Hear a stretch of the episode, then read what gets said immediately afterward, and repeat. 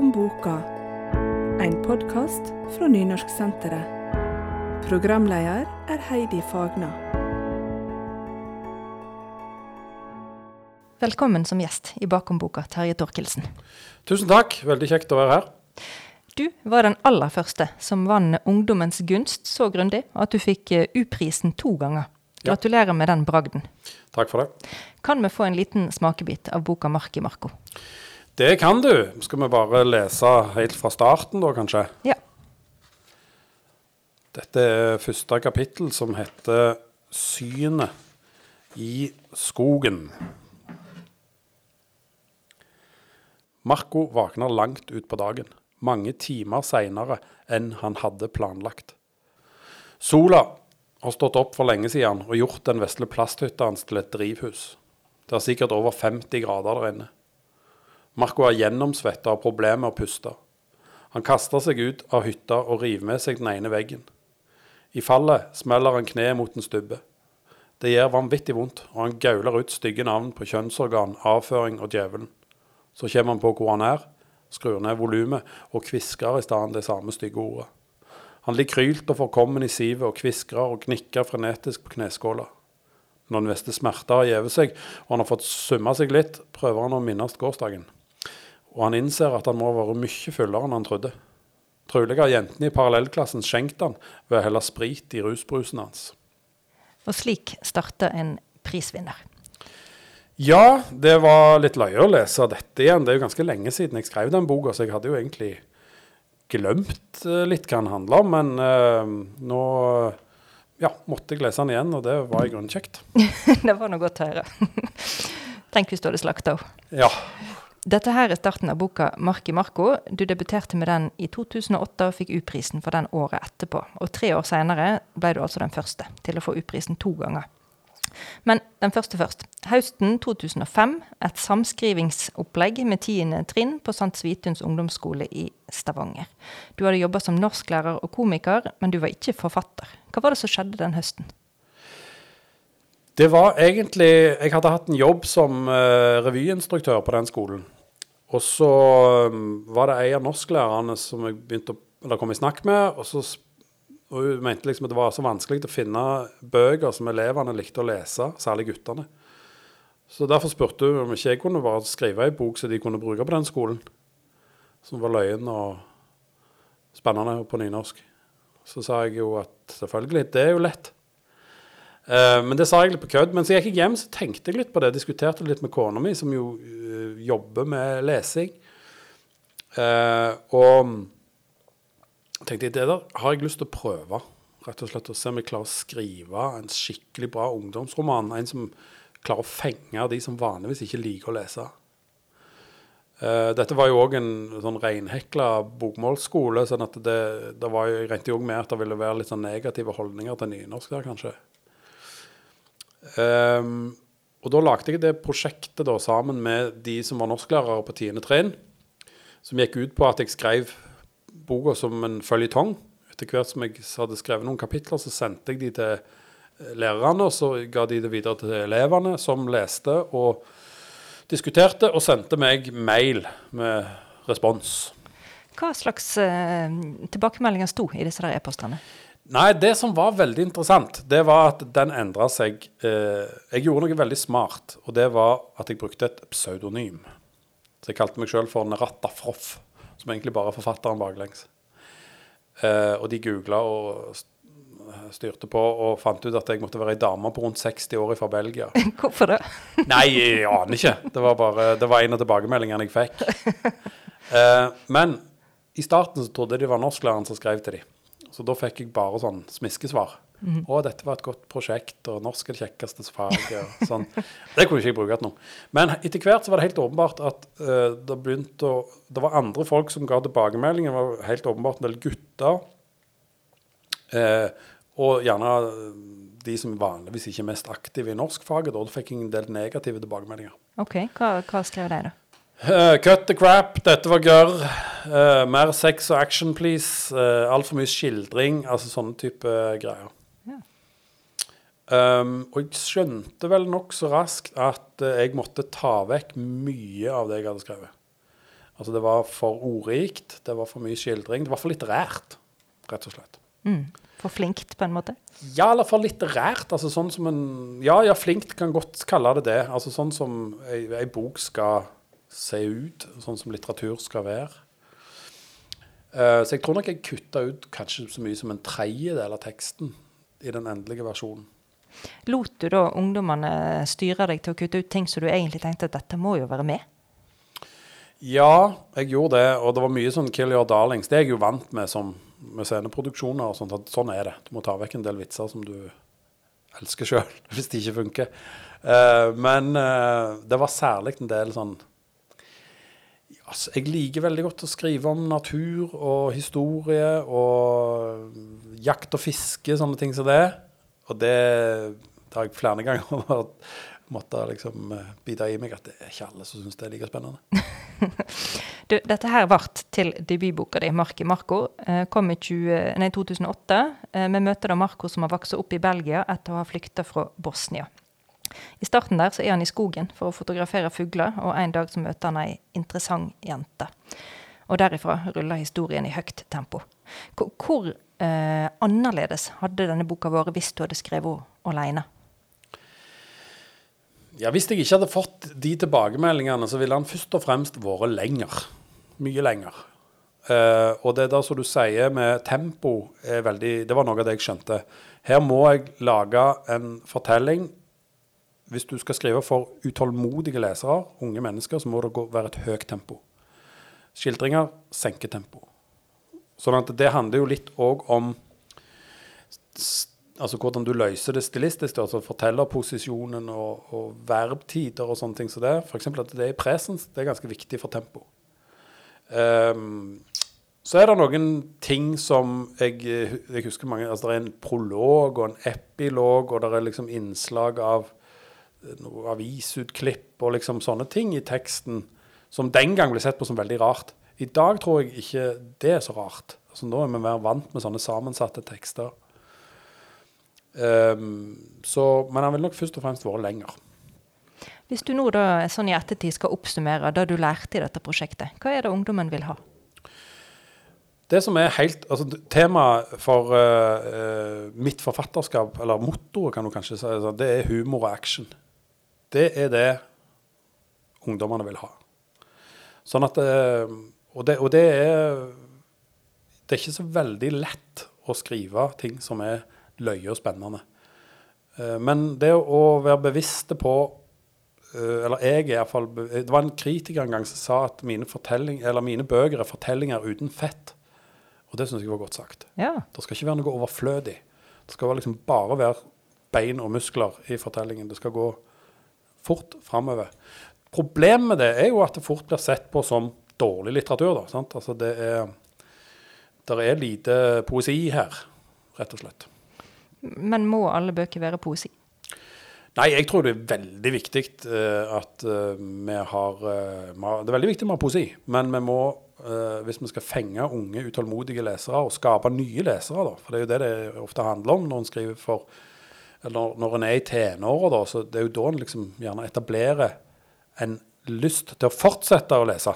Sant? Å lese bøker for voksne og andre typer ting enn det vi har uh, gjort på skolen, eller det vi gjorde som barn, ja, så, så, så er, er det viktig at det er sånne lesefestfortellinger. Lese, altså bare som, som er bare action og tempo og fart og løye og sånn. Bakom boka. Um, Marki Marko, jeg så en plass at du har omtalt dette undervisningsopplegget som førte fram til boka Marki Marko som et norsk didaktisk kinderegg. 1. Gir leselyst. 2.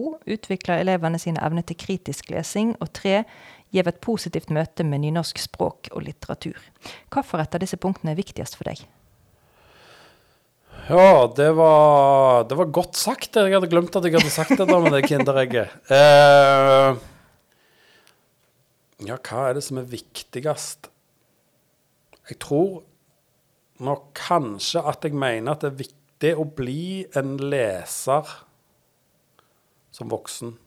Altså å liksom lære, bli en som kan ta i bok, lese i bok og få et utbytte av det Uh, det tror jeg kanskje er det viktigste. Fordi at jeg tror at romanen særlig da har noen fortrinn som sjanger, og som gir oss noen innsikter som ingen andre sjangre gir. Altså Jeg jobber jo òg med, med film, f.eks., og syns at det er supert. Men det er noe med det å lese en roman som er en så lang tekst, så altså du må være i det universet lenge, og at du sjøl må ha den forestillingsevnen som er nødvendig for å se denne handlingen for deg, og på en måte leve deg inn i andre menneskers perspektiv. Det tror jeg er veldig viktig. At du, du, Gjennom romanen så lærer vi å forstå hvordan andre folk har det. I andre tider, i andre livsverdener. og ja, det, det tror jeg er kjempeviktig for å utvikle empati og mellommenneskelig forståelse. og ja, Som mennesker så tror jeg det er veldig viktig for oss at vi opparbeider oss den evnen. Og jeg tror at det, den romanen er, er veldig tydelig knytta til framveksten av det borgerlige samfunnet på 1800-tallet med, med, demokrati, med folkeopplysning, med øh, øh, ja, det er et sivilsamfunn som ligner på det vi har i dag. da. I en tid der det blir laga veldig mye gode TV-serier og andre distraksjoner på internett, hvordan øh, tenker du da om, om lesing? Nei, Det er en kolossalt uh, mye å konkurrere med. Mye bra. Det er jo forskjellen først og fremst fra da jeg vokste opp, at da hadde vi liksom én TV-kanal og én radiokanal, og det var det. Sånn at det var liksom Det var ikke så veldig mye, av, altså mye som var så veldig mye mer fristende enn bøker. Altså Det var den greieste måten å få tak i mange fortellinger på. Sånn er det ikke lenger. Så uh, det er vanskelig å konkurrere med, med, Netflix og HBO og alt dette her eh, for oss forfattere. Og noen av oss gjør jo på en måte litt begge deler, da.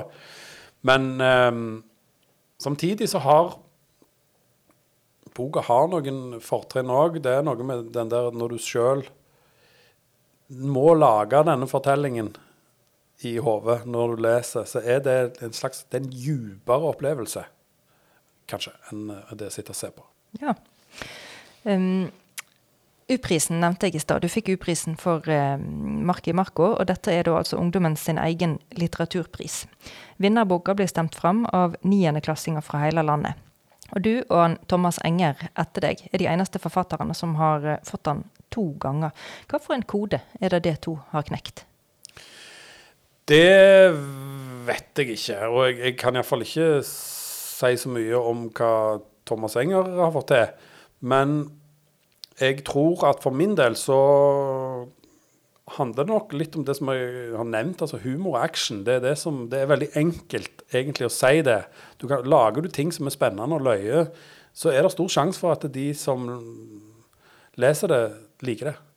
Uh, og så handler det selvfølgelig en del om stil. Jeg tror at uh, for, for meg handler det litt om Altså jeg er jo norsklektor, jeg har skrevet hovedfagsoppgave om retorikk. Jeg er veldig opptatt av liksom, den fortellertekniske sida av dette. og Det var jo noe av det som jeg lærte av det Marki Marco-prosjektet. Altså Synsvinkel, f.eks. Veldig viktig. Og verbbruk og, og sånn type filmtriks da, som handler om cliffhangers og sånn som Jarfjes bruker sånn fast forward-teknikk, som du ser i, i film. Å legge deler av handlingen, noe av det mest spennende, helt fram. ikke sant, så er, ja, jeg er veldig bevisst på virkemiddelbruken min. Mm. Jeg, har, jeg, har, tenkt på at det er mye filmatisk i bøkene dine. Um, og mye humor, som du sier. Jeg tenkte jeg skulle be deg om å lese litt fra den første boka i serien som heter 'Stavanger Stories'. Dette er samling noveller, en samling fortellinger, står det på utsida, om de tre søsknene Duxen, Betty og Broremann. De er tenåringer som bor i Stavanger i lag med foreldrene sine, og hver av disse tre bøkene av Stavanger Stories inneholdt 14 noveller som henger sammen. Dette her uh, utdraget nå er fra Stavanger Stories 1. Det er det. Uh, og det er fra en juicy novelle som heter 'Naken og nær'. Hun plukker opp ryggsekken fra gulvet og setter den på bordet. Erik trør ut av skoene og river av seg strømpene. Han vrenger av seg shortsen, men lar bokseren være på, selv om det lille plagget ikke klarer å skjule det han har under. Betty fisker fram en pakke med kondom og viser han triumferende fram for kjæresten. Han smiler og gir henne tommelen. Ingen vits i å ta sjanser. Et nytt liv kan oppstå like fort som et gammelt kan ebbe ut. Et jokk og et sukk, så kan det være gjort. Og mange millioner elleville sædceller sym for livet mot det nesten usynlige egget som hun gjemmer der inne bak truselinningen. Vinneren av kappløpet vil bli halvparten av et nytt menneske. Og det ville ha blitt et nydelig barn. En skal lete lenge etter flottere avlsdyr enn Erik og Betty. Men de er ikke her i Annex i dag for å lage barn. De er her for å knulle. Du leser ikke dette så ofte, sa du. Er det, er dette her, blir det for sterk kost for folk? Nei, eh, det tror jeg ikke. Det er veldig sjelden at eh, Eller jeg har, jeg har, opplevd at lærere som har liksom ikke forberedt seg skikkelig, eh, som har lest høyt for elevene og sånt, har blitt litt eh, eh, røde i eh, toppen. Men nei, jeg har aldri opplevd at noe av det jeg leser er for sterkt for elevene, nei. De syns sikkert det er gøy med en voksen som kommer og, og leser sånne ting? Ja, altså jeg har egentlig ikke noen veldig god for, altså Jeg vet ikke hvorfor jeg ikke har lest så mye fra denne novellen. og hører du med til historien at dette er jo òg en, en, novelle som er ganske løyen, da. Og iallfall har et, en, en løyen punchline. Mm. Um, så Men det er jo òg sånn Det, det er litt, litt tilfeldig. Altså, det er jo 42 noveller i Stavanger Stories. Ja. Sånn at det, det, er mange andre å ta av som eh. ja, men, men, men, men, jeg tenkte på dette her med, med sex. da. Det dukker jo opp jevnlig i bøkene dine. Ja. Hvor, hvor, viktig er det? Nei, det er ikke kjempeviktig, men um, det er Noen ganger kan det være uh, viktig altså bruke det bevisst pga. humoren. Um, uh, og det der med, med, det å skape forventning, f.eks., for om at uh, det skal bli sex, men så blir det ikke det. Eller det motsatte. At uh, ja, misforståelser og sånne ting. Så det er jo et viktig komisk virkemiddel. Um, men så er det jo òg sånn at Og det, jo, det handler jo bare Eller mye ungdomslitteratur handler jo om alt det der nye som skjer i overgangen fra barndom til voksenliv.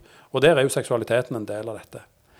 Uh, sånn at når en ja, skriver realistiske fortellinger, så er det en del av ja, pakken, tenker jeg.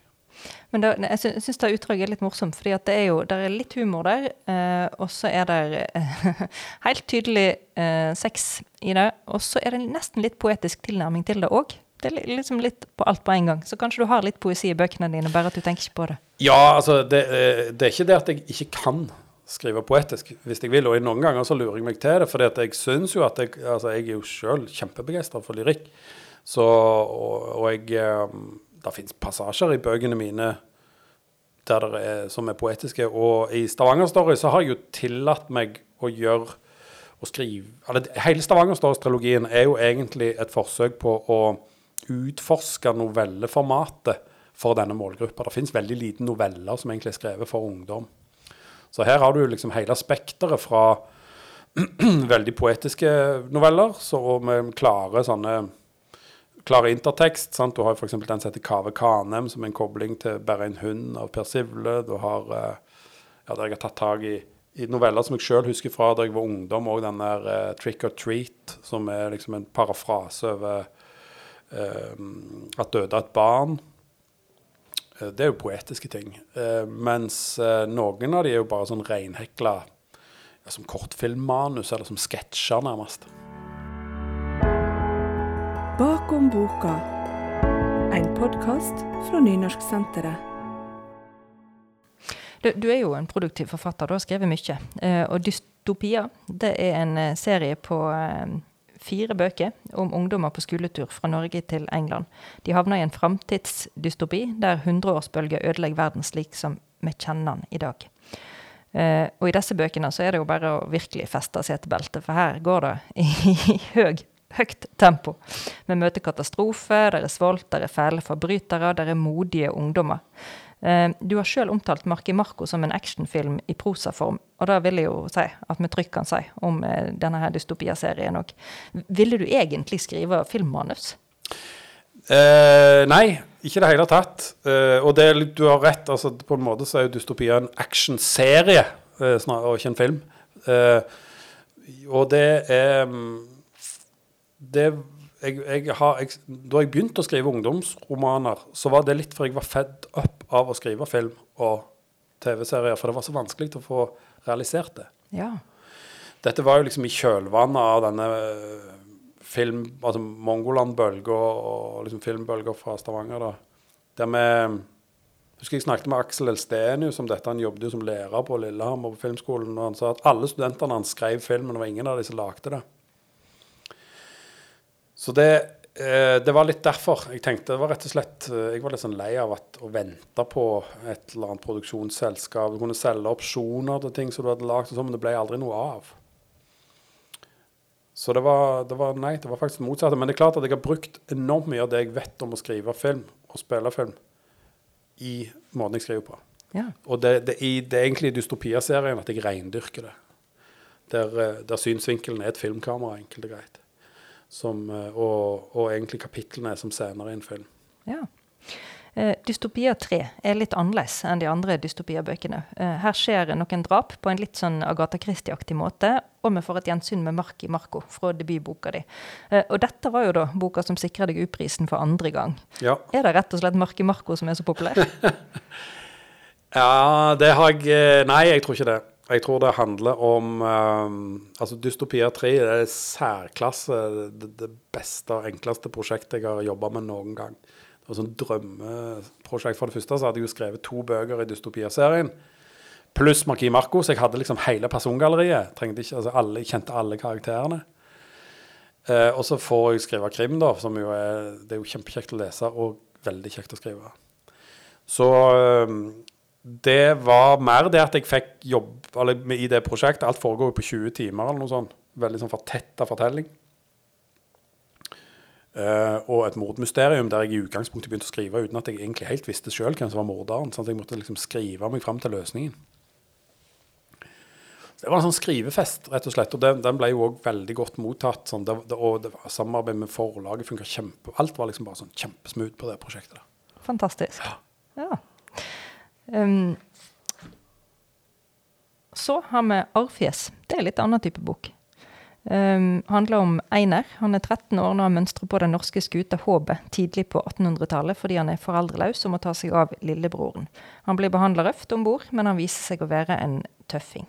Her er det mindre av denne her eh, full fart-konseptet, og det er litt mindre humor òg. Det, det er mer sånn um, jeg jeg skal ikke si en mer seriøs bok, for det høres ut som de andre ikke er seriøse, men, men litt roligere bok, da. Ja, eh, den er jo Det er jo en historisk roman. Det er jo Den store forskjellen er jo kanskje først og fremst det. De andre er jo litt sånn samtidsfortellinger, eller det jeg hadde skrevet før det. Sånn at eh, eh, Det var litt pussig det å begynne å skrive en, en fortelling om noe som skjedde for 200 år siden, etter å ha skrevet de samtidsfortellingene. Eller dystopi er jo nær framtid. Sånn at eh, jeg måtte jo mm, prøve å sette meg inn i livsverdenen til en eh, stakkars eh, ynkelige 13-åring eh, som levde for 200 år siden. Og det, det gjør jo at eh, ja, må, måten omgivelsene behandler han på, og, og liksom i det hele tatt den situasjonen som han er i, er jo så veldig annerledes enn det som vi opplever i samtida, da, til tross for at disse eh, Sånn som Marco møter jo store utfordringer, han der òg. Altså virkelig har store problemer. Det er jeg jo generelt opptatt av. Hvis du skal lage skikkelig spennende ungdomsbøker, så må du sette hovedkarakterene i noen veldig vanskelige situasjoner der det ikke fins noen voksne som bare kommer og fikser ting for dem. Eh, så ja, nei, du har rett i det. Og den, det er jo òg litt som jeg Altså, jeg har jo gjort noen sånne grep. Det er mye poesi i Arfjes. Altså, Mm. En del sånn helt Dette gravmotivet som kommer igjen, f.eks. Um, og, og det med at jeg, jeg uh, har denne fast forward-innledningen og, og sånt. Bryter litt den der kronologien som er veldig sånn tydelig i dystopia. Det er liksom Alt går er liksom fra A til Å i hver bok. Mm, ja. Hvordan gjorde du research da, til hvordan en eh, 13-åring i en vanskelig situasjon for 200 år siden hadde det? Nei, det er egentlig litt sprøtt, det der prosjektet. For det, det, jeg hadde ikke tid til å skrive det. det. Jeg skrev det faktisk så fort at jeg fikk en kronisk skriveskade i pekefingeren av det prosjektet. Hvorfor meg? For jeg, jeg hadde det helt latterlig travelt den våren.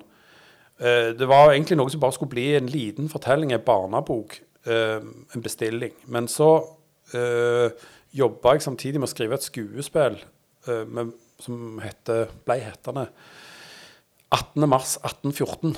For den dagen var det valg i Stavanger domkirke til Stavanger sin eidsvollmann. Ja. Uh, og det, den, han som ble valgt, han heter Peder Valentin Rosenkilde, og han var pirat. Han hadde kapperbrev under napoleonskrigene og tjente seg søkkrike på det. Og Derfor ble det en del baluba for mange av disse Norge var jo i, i, eh, på lag med Frankrike, og mange av, av eh, kapteinene fra, hadde jo seilt mye på Frankrike og fått med seg eh, litt sånn tankegods fra den franske revolusjonen. Så de, hadde, de var veldig uenige i begrepet, eller hva slags borgerbegrep som ble benytta. Så det, så det var et veldig interessant prosjekt. Så det var det jeg egentlig gjorde research til. Så når jeg fant ut da at om bord på disse kaperskutene, så var jo mannskapet tenåringer, stort sett. Så slo det meg at dette er jo egentlig en potensielt veldig interessant ungdomsroman. Så det ble på en måte en sånn spin-off-fortelling, kan man si, på det skuespillet. ja. Men samtidig tror jeg at kanskje en, en av grunnene til at Arfjes er blitt så bra, og den ble jo veldig mye lest nå, eh, det er nok at jeg ikke hadde tid til å gjøre research på altså, der er veldig ofte når du ser at Du kan ofte se på en fortelling når en forfatter har lest seg veldig opp på noe. Men her måtte jeg bare fokusere på fortellingen, og så tok jeg jo researchen etterpå. en sånn banale ting som f.eks. hvordan han var kledd. Det er det egentlig ingen som vet. Nei. Så jeg involverte jeg tror det var tre ulike museer, en haug med forskere for å finne ut hvordan var en dekksgutt egentlig kledd for 200 år siden. Ingen vet. Det er jo Men, faktisk eh, veldig interessant. Ja, for du har tatt vare på en del brudekjoler og kapteinsuniformer og sånt, så det, men mye av denne ja, så, sånn hvordan vanlige folk, fattigfolk, liksom levde, hva de spiste og hva de hadde på seg. Og, og sånne banale ting som hvor lagde en mat? Hvor, hva slags mat spiste en om bord på disse fartøyene? Egentlig heller ingen som vet. Altså, de hadde kanskje noe mulighet for å lage seg varm mat, samtidig som det var jo kjemperisikabelt. Er du historisk interessert? Jeg er veldig historisk interessert, og strengt tatt så er jeg jo litteraturhistoriker. Eh, Så jeg, eh, jeg kan jo Jeg har jo en del sånn basiskunnskap selvfølgelig om, om denne perioden. Jeg skrev hovedfagsoppgaven min om en opplysningsdikter som var aktiv og veldig populær på slutten av 1700-tallet, f.eks. Eh, Det er en stor variasjon i, eh, i forfatterskapen din. Eh, Det er vel kanskje en stor variasjon i personligheten din òg. Ja, det er nok litt Jeg, har, jeg er en mangsysler, ja. tenker jeg. Arfjes ligger 200 år tilbake i tid. I Marke Marco og Stavanger Stories er vi i nåtida, mens i de fire eh, dystopiabøkene så tok det oss jo da til framtida. Der var jo skrevet noen år fram i tid. Er det et prosjekt for deg å, å drive og hoppe i tid på den måten? Jeg er litt usikker på hvorfor det ble sånn. Jeg tror det er litt sånn tilfeldig at det ble sånn som det ble. Uh, men uh, nå føler jeg at jeg har ah, Kanskje jeg har på en måte eksperimentert nok uh, med det, og så ser jeg litt mer på Litt sånn tilbake igjen til røttene mine og prøver å finne ut hva, hva er det egentlig ungdommene vil lese, hva er det jeg bør skrive for å, å skape den begeistringen. Eh, og det var som Isla Bonita-prosjektet. Det var det egentlig det var et forsøk på å lage en ny sånn Marki Marco-fortelling. Eh, men med mer humor. Mora til, til Carlo der, hun er jo egentlig en vandrende Yo Mama-vits. Det har liksom vært, var meningen hele veien at hun skulle alltid være en sånn Yo Mama-vits når hun dukket opp. Eh, så, så den Ja, den minner nok en del om Marquis Marco. Litt snillere kanskje, og, og litt løgnere. Så mm, jeg tror nok jeg egentlig Jeg har ikke noe sånn behov for å eksperimentere mer nå, men, men heller kanskje repetere. Ja. Det er ikke sikkert at alle som hører på, egentlig vet hva Yo Mama er for noe. Kanskje du kan nevne et par eksempel? Ja, det, Yo Mama det er jo en type mm, vitser, da. Mor di-vitser. Ja. Som eh, det er alltid overdrivingskomikk. F.eks. den som jeg fortalte her, eh, som er nå i dag, på et skolebesøk. Mor di hun er så feit at hvis du hadde malt den av blå, så kunne hun jobbet som tjukkasmadrass i gymsalen her. Huff a meg. For eksempel. Du er ikke alltid på det politisk korrekte. Hvordan blir det mottatt? Nei, altså jeg er virkelig ikke opptatt av å være politisk korrekt. Uh, så nei, jeg følger på en måte mitt indre moralske kompass, og det går stort sett greit, det.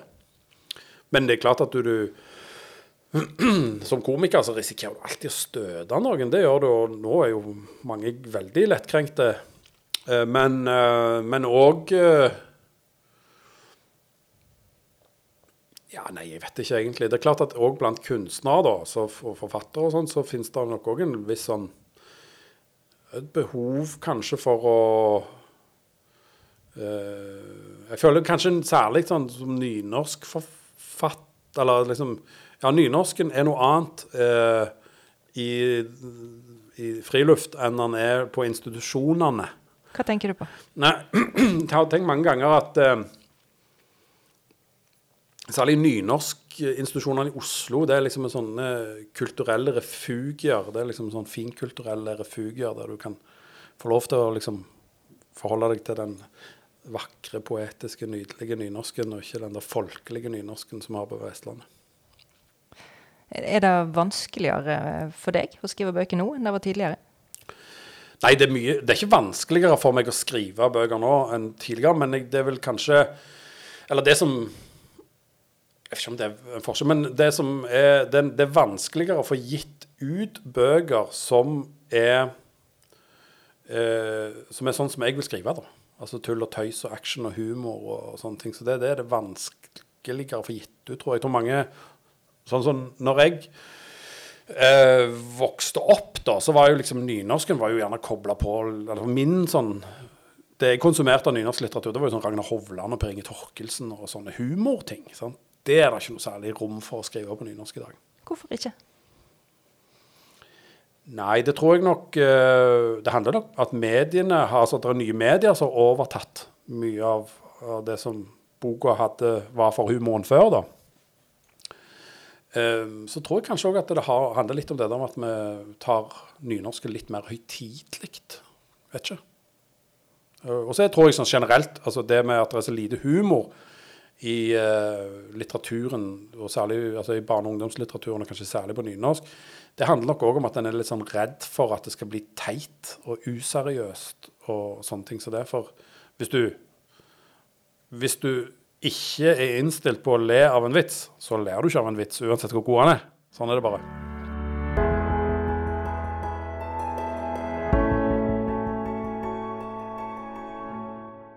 bøkene dine er sett på forskjellige plasser til ulike tider. Handlingene er ganske ulike, og det er fortellerstilen òg. Jeg har tenkt på det når jeg har og lest bøkene dine, at du hadde det jo kanskje gjort litt enklere for deg sjøl hvis bøkene dine ligner hverandre mer. Er det noe du uh, har tenkt på sjøl? Ja, uh, det, det, er nok sant. Uh, og jeg husker òg at etter altså Dystopia-serien, og særlig etter den andre U-prisen, så fikk jo den mye oppmerksomhet. Så, liksom, så, så kom Dystopia 4, og så var den slutt. Og da var det jo flere som sa men hør nå, kan ikke du fortsette, dette her kan du jo holde på å skrive på i det uendelige. Nå har du jo funnet en suksessformel. Uh, men det var jeg veldig tydelig på at det skal jeg iallfall ikke gjøre. Så skrev jeg istedenfor en historisk roman. Og det er nok litt sånn jeg er. At jeg uh, nå sier jeg at jeg, nå skal jeg begynne å repetere meg sjøl, men det, det, er ikke helt riktig. Eh, jeg klarer ikke egentlig å gjenta for mye av det jeg har gjort før. Det blir kjedelig. Jeg er nødt for å gjøre noe annet enn det jeg har gjort før. Jeg er veldig, generelt faktisk veldig lite opptatt av ting jeg har gjort før. Ja, men, men andre folk er kanskje opptatt av det du har gjort før. Hva får du mest tilbakemeldinger på? Nei, den store Hvis du tenker på øh, Ja, nå, nå, er det jo liksom ja, det varierer litt fra tid til annen, og hvor jeg er i landet. Altså, det er klart at folk i Stavanger forbinder meg nok med kanskje andre ting enn enn folk i andre deler av landet. For i Stavanger har jeg jo gjort mye sceneproduksjoner og sånne ting så det som en ellers ikke ser. Uh, så, så, er det jo uh, film og drosjesjåføren i Mongoland slipper jeg liksom aldri unna. Ja, For det var nemlig du. De ja, som husker den, drosjesjåføren, det var altså du. Den er jo blitt en sånn kultfilm som og blitt en sånn ting som folk gjerne ser om igjen til jul. og sånn, så den, den, merker jeg at den, eh, den, er det mange som forbinder meg med. Men så er det jo dette med at jeg er, er så enormt mye på skolebesøk. Og nå ser jeg jo særlig Arvfjes blir jo vanvittig mye lest. Ja vel. Eh, så ja, jeg tror Jeg tror jeg har besøkt iallfall 90% av skolene mellom Arendal og Ålesund, altså ungdomsskolene med den boka der. Ja vel. Eh, I flere av bøkene lærer du oss litt eh, historie. Eh, Arfjes er jo en historisk roman. da. Eh, der lærer vi om eh, norsk sjøfart. I Mark, og Marco, læ- eh, I Mark i Marco lærer vi om folkemord av bosniere tidlig på 90-tallet. Har du et prosjekt òg om, om å lære oss noe? Ja, jeg tror Altså, jeg er jo lektor, egentlig. Ja. Eh, så, og jeg er Jeg har en søster som er, lillesøster som er lærer, og det har jeg liksom alltid fått høre det at eh, jeg, eller meg og hun, da, vi vi er sånn typisk lærer, skal alltid undervise og belære og sånn. Jeg tror jeg var veldig sånn besserwisser når jeg var guttunge. Men har det gått over? Nja, ja, nei, altså jeg er faktisk litt opptatt av eh, Jeg er veldig opptatt av kunnskap og, og formidle kunnskap og lære. Veldig, jeg, nok, tror, jeg vil påstå sjøl at jeg er, jeg er like opptatt av å lytte og lære som av å, å liksom snakke og be-lære, da. Men eh, kunnskapsformidling er viktig, og det kan du òg gjøre eh, Altså, jeg liker det. Og når jeg leser noe som jeg eh, som, som imponerer meg pga. forfatteren sin kunst, altså skjønnlitteratur, der det er helt åpenbart mye kunnskap hos forfatteren, det kan jeg bli kjempebegeistra for. Uh, og ditto skuffa hvis det er helt åpenbart at det her er det noen skriptfeil, da. Ehm, men eh, Ja, nei, altså en, eh, en fortelling er òg en god måte å lære vekk på, ehm, tenker jeg. Ja. Eh, Det er mye handling i bøkene dine. Det er mindre stemning og dialog. Eh, Og du nevnte jo, forklarte oss jo i stad litt om bakgrunnen for dette, her, og hva du har lært av ungdommene og sånn i tidligere prosjekt. Skriver du først og fremst bøker for gutter? Det var det som var tanken i utgangspunktet, ja. At jeg skulle skrive for gutter.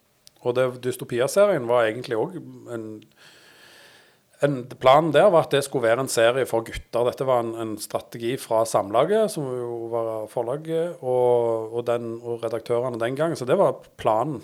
Vi, det var Ingelin Røsland hadde holdt på å skrive om- Engel Winge, og jeg skulle skrive Dystopia. Hun skrev for jenter, jeg skulle for gutter. Eller liksom litt firkanta sagt, da, men det var, det var iallfall sånn at uh, det var et uh, ja, et poeng at eh, det skulle være for gutter. Så jeg tror nok kanskje at jeg uh, Altså alle hovedkarakterene mine er jo gutter. Og jeg, nok, jeg er nok bevisst på det, ja. Tror, og, og fordi at vi vet jo at jenter leser mye mer enn gutter. Så det er særlig viktig, da, tenker jeg, å formidle leselyst til gutter. Gutteproblemet har det jo blitt kalla tidligere. Gutter leser kan ikke si ikke de leser for de leser, men de er ikke like interessert i lesing som, som jenter er. Eh, og internasjonale undersøkelser slår fast at gutter leser mindre og dårligere enn en jenter. Og så er det jo slik at mange mener at gutter leser det de kaller feil litteratur. da.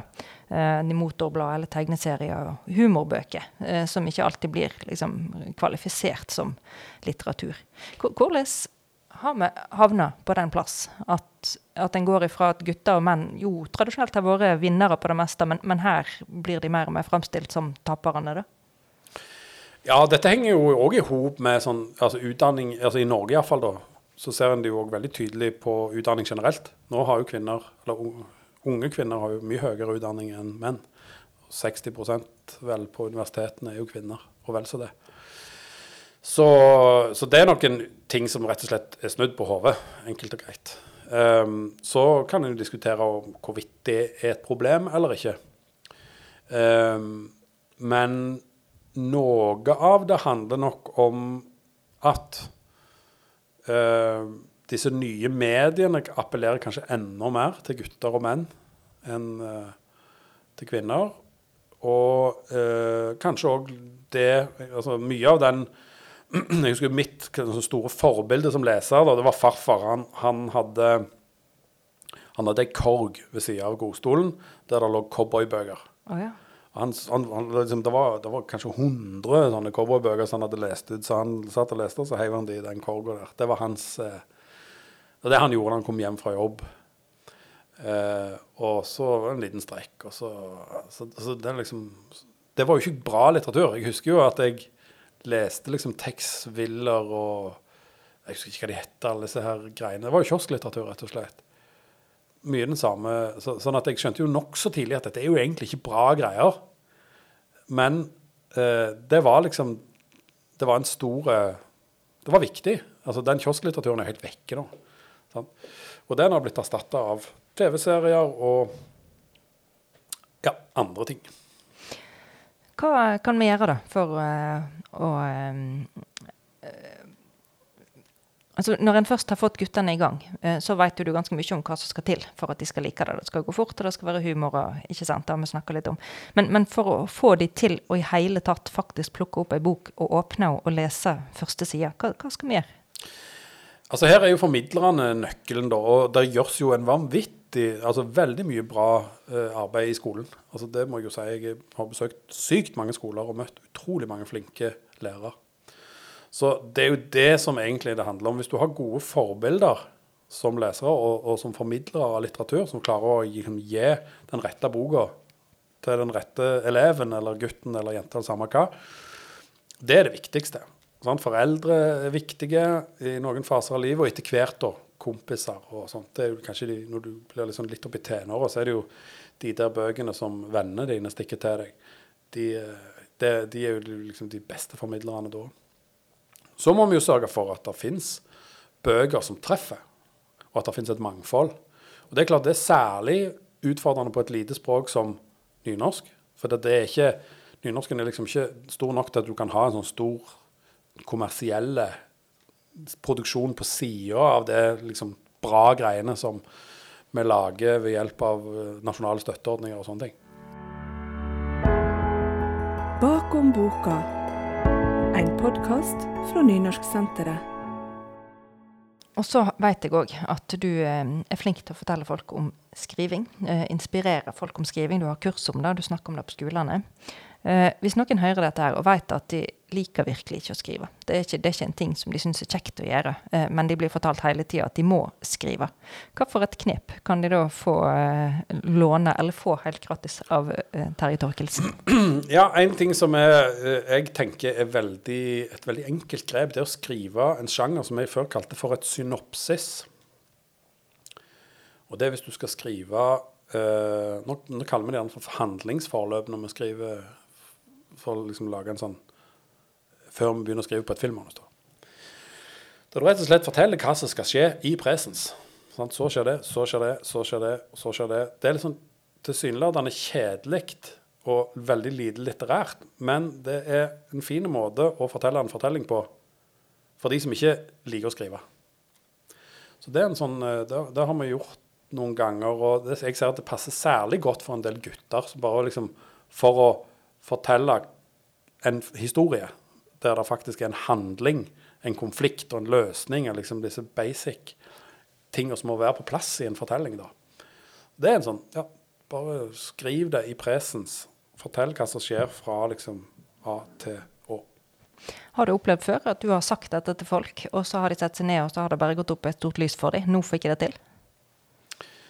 Ja, det, altså det eh, jeg, jeg, er jo veldig mye på skolebesøk, som sagt. Og jeg opplever jo, ja, om ikke hver dag, så ganske ofte at det går noen små lys opp uh, for uh, uh, ungene og ungdommene. Men det handler ikke kanskje mest Altså det som Når det gjelder skriveverksteder og sånn, det som, som, jeg ser kanskje det aller kjekkeste da, det er jo å lage sketsjer. Altså skrive eh, eller finne på sketsjer og skrive sketsjer og framføre de. Da er det ikke så mye fokus på selve skrivinga, men mer på idéfasen og på samhandling for å, å, lage et sånt produkt som du kan vise fram for andre. Det er jo litt eh, skummelt. Det føles jo litt som å kaste seg ut på dypt vann hvis en skal prøve å skrive noe som er morsomt. da. Det verste som er, er jo å prøve å slå en vits, og så er det bare helt rungende stille, og alle syns du sa noe teit. Ja, ja, ja, men igjen, det er sant at det er mye safere å og prøve seg på andre. Det er mye safere å lage noe poetisk på en måte, og, og litterært enn å gjøre, å gjøre noe som, som fordrer en respons fra mottakeren med en gang. Men det er litt sånn både òg. Får stadig høre det fra forlagshold at nei, det er så vanskelig med humor. Det, det får vi ikke til. Det er jo ikke sant. Altså, hvis du ser på andre land der en er mer kommersielt orienterte, så, så vet en at en kan jo skrive humoristiske ting på formel, egentlig. Det er ikke vanskelig, det. Men det er klart at du må jobbe på en litt annen måte, da. Det som er veldig, veldig vanskelig, det er å lage noe som er komisk og originalt. Fordi at komikken fordrer gjenkjenning. Sant? Du må, det må være noe der som du kan koble på noe som du vet fra før av.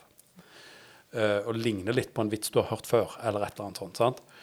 Så, og særlig når du da uh, For barn og unge så må vi liksom akseptere det at eh, det skal ikke altså Du kan godt levere en klisjé til noen som knapt har Som ikke vet hva en klisjé er. For de har ikke, de har ikke bygd seg opp det, den, det, det referans, de referansene som vi voksne har.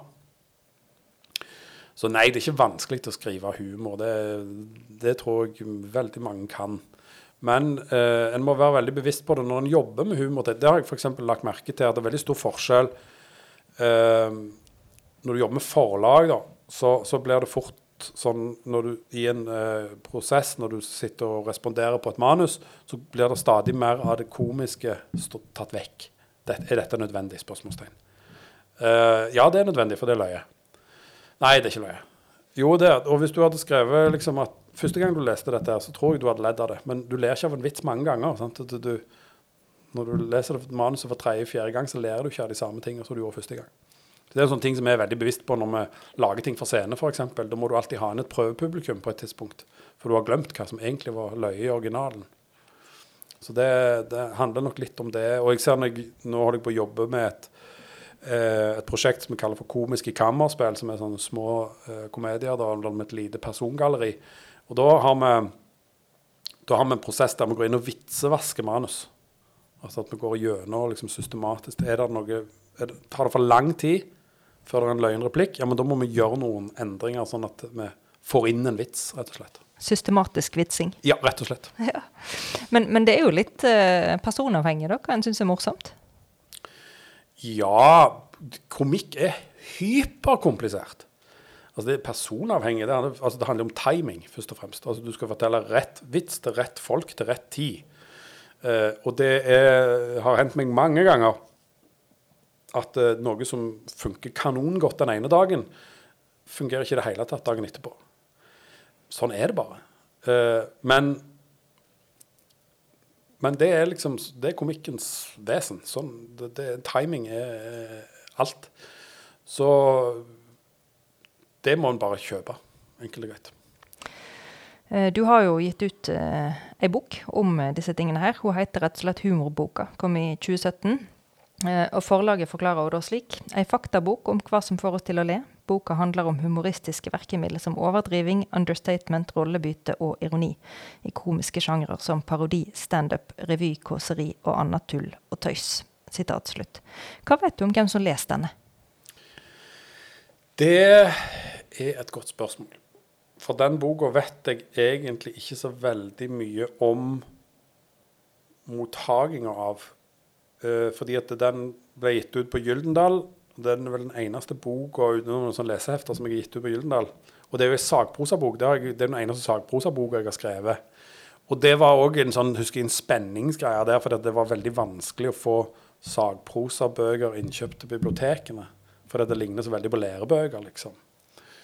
Så det vet jeg veldig lite om, men det jeg vet er at jeg bruker jo den boka mye i forbindelse med disse humorverkstedene som vi har. Det er en produ egen produksjon i Den kulturelle skolesekken. Eh, og så ser jeg den ofte på bibliotek. Og jeg har inntrykk av at det er jo noen veldig fine løgne illustrasjoner av Sindre Goksør i denne boka. Så jeg ser at en del små unger de sitter og bare blar og ler av bildene. Eh, og så ja, får jeg noen tilbakemeldinger i ny og ne. Og det er klart at det her er det, den den er jo i utgangspunktet skrevet for ei yngre målgruppe enn de jeg vanligvis har med ungdomsbøkene mine.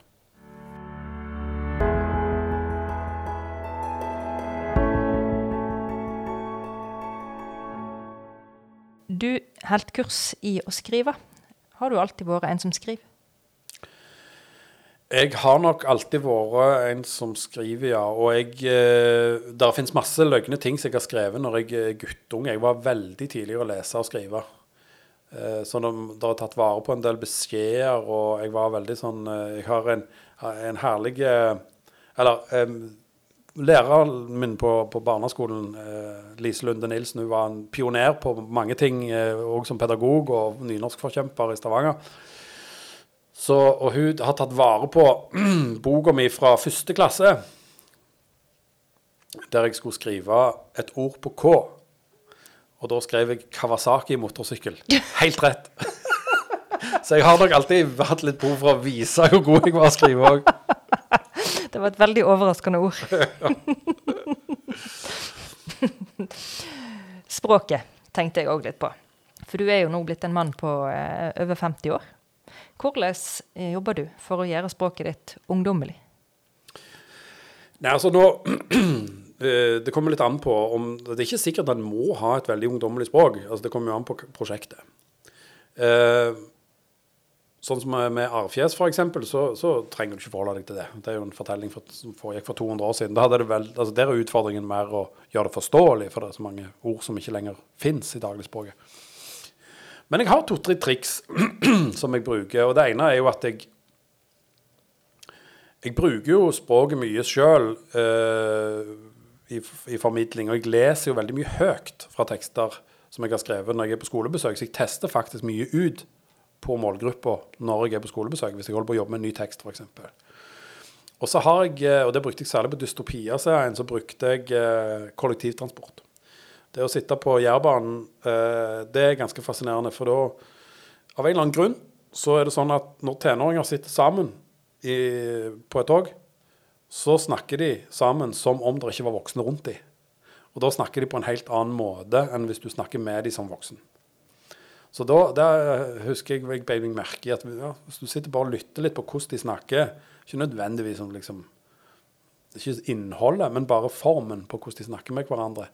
Hvordan de Ja, for å få en mest mulig naturlig dialog, da, kan du òg bruke eh, når du skriver særlig film, da, tenker jeg. Ja. Hva eh, tilbakemeldinger får du på at du skriver på nynorsk, da? Hva tilbakemeldinger får jeg på at jeg skriver på nynorsk? Altså Det som jeg merker først og fremst, det er jo uh, Den eneste, eneste problemet med å skrive på nynorsk, det er at det er vanskeligere å få gitt ut ting. Eh, Det er Særlig populærlitteratur. Det var mye vanskeligere å få gitt ut eh, populærlitteratur på nynorsk enn hvis jeg hadde skrevet bokmål. Det, det er det eneste problemet. For, fordi kjøperen ikke vil ha, eller fordi forlagene ikke vil ha? For forlaget ikke vil ha. Om kjøperne vil ha det eller ikke, det vet vi ikke. For det finnes ingen, det finnes ikke noe krim på nynorsk i utgangspunktet. Så du vet liksom ikke om, om kjøperne egentlig vil ha det.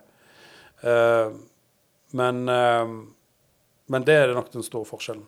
Fins det ikke krim på nynorsk? Ja, jo, kanskje det finnes, men det er veldig, veldig veldig lite. Ja, nå måtte jeg tenke. Ja. Men det er, er generelt et problem tenker jeg, for nynorsken at det er nesten ikke populærlitteratur. Det som finnes av populærlitteratur, det er sånne ting som jeg og andre ungdomsbokforfattere skriver, egentlig. Um, språklig, da. Uh, du bruker òg en del ord som ungdommen ikke nødvendigvis forstår. Jeg noterte meg løgndom, og så var det Jeg tror du har skrevet et par plasser at noen trekker været.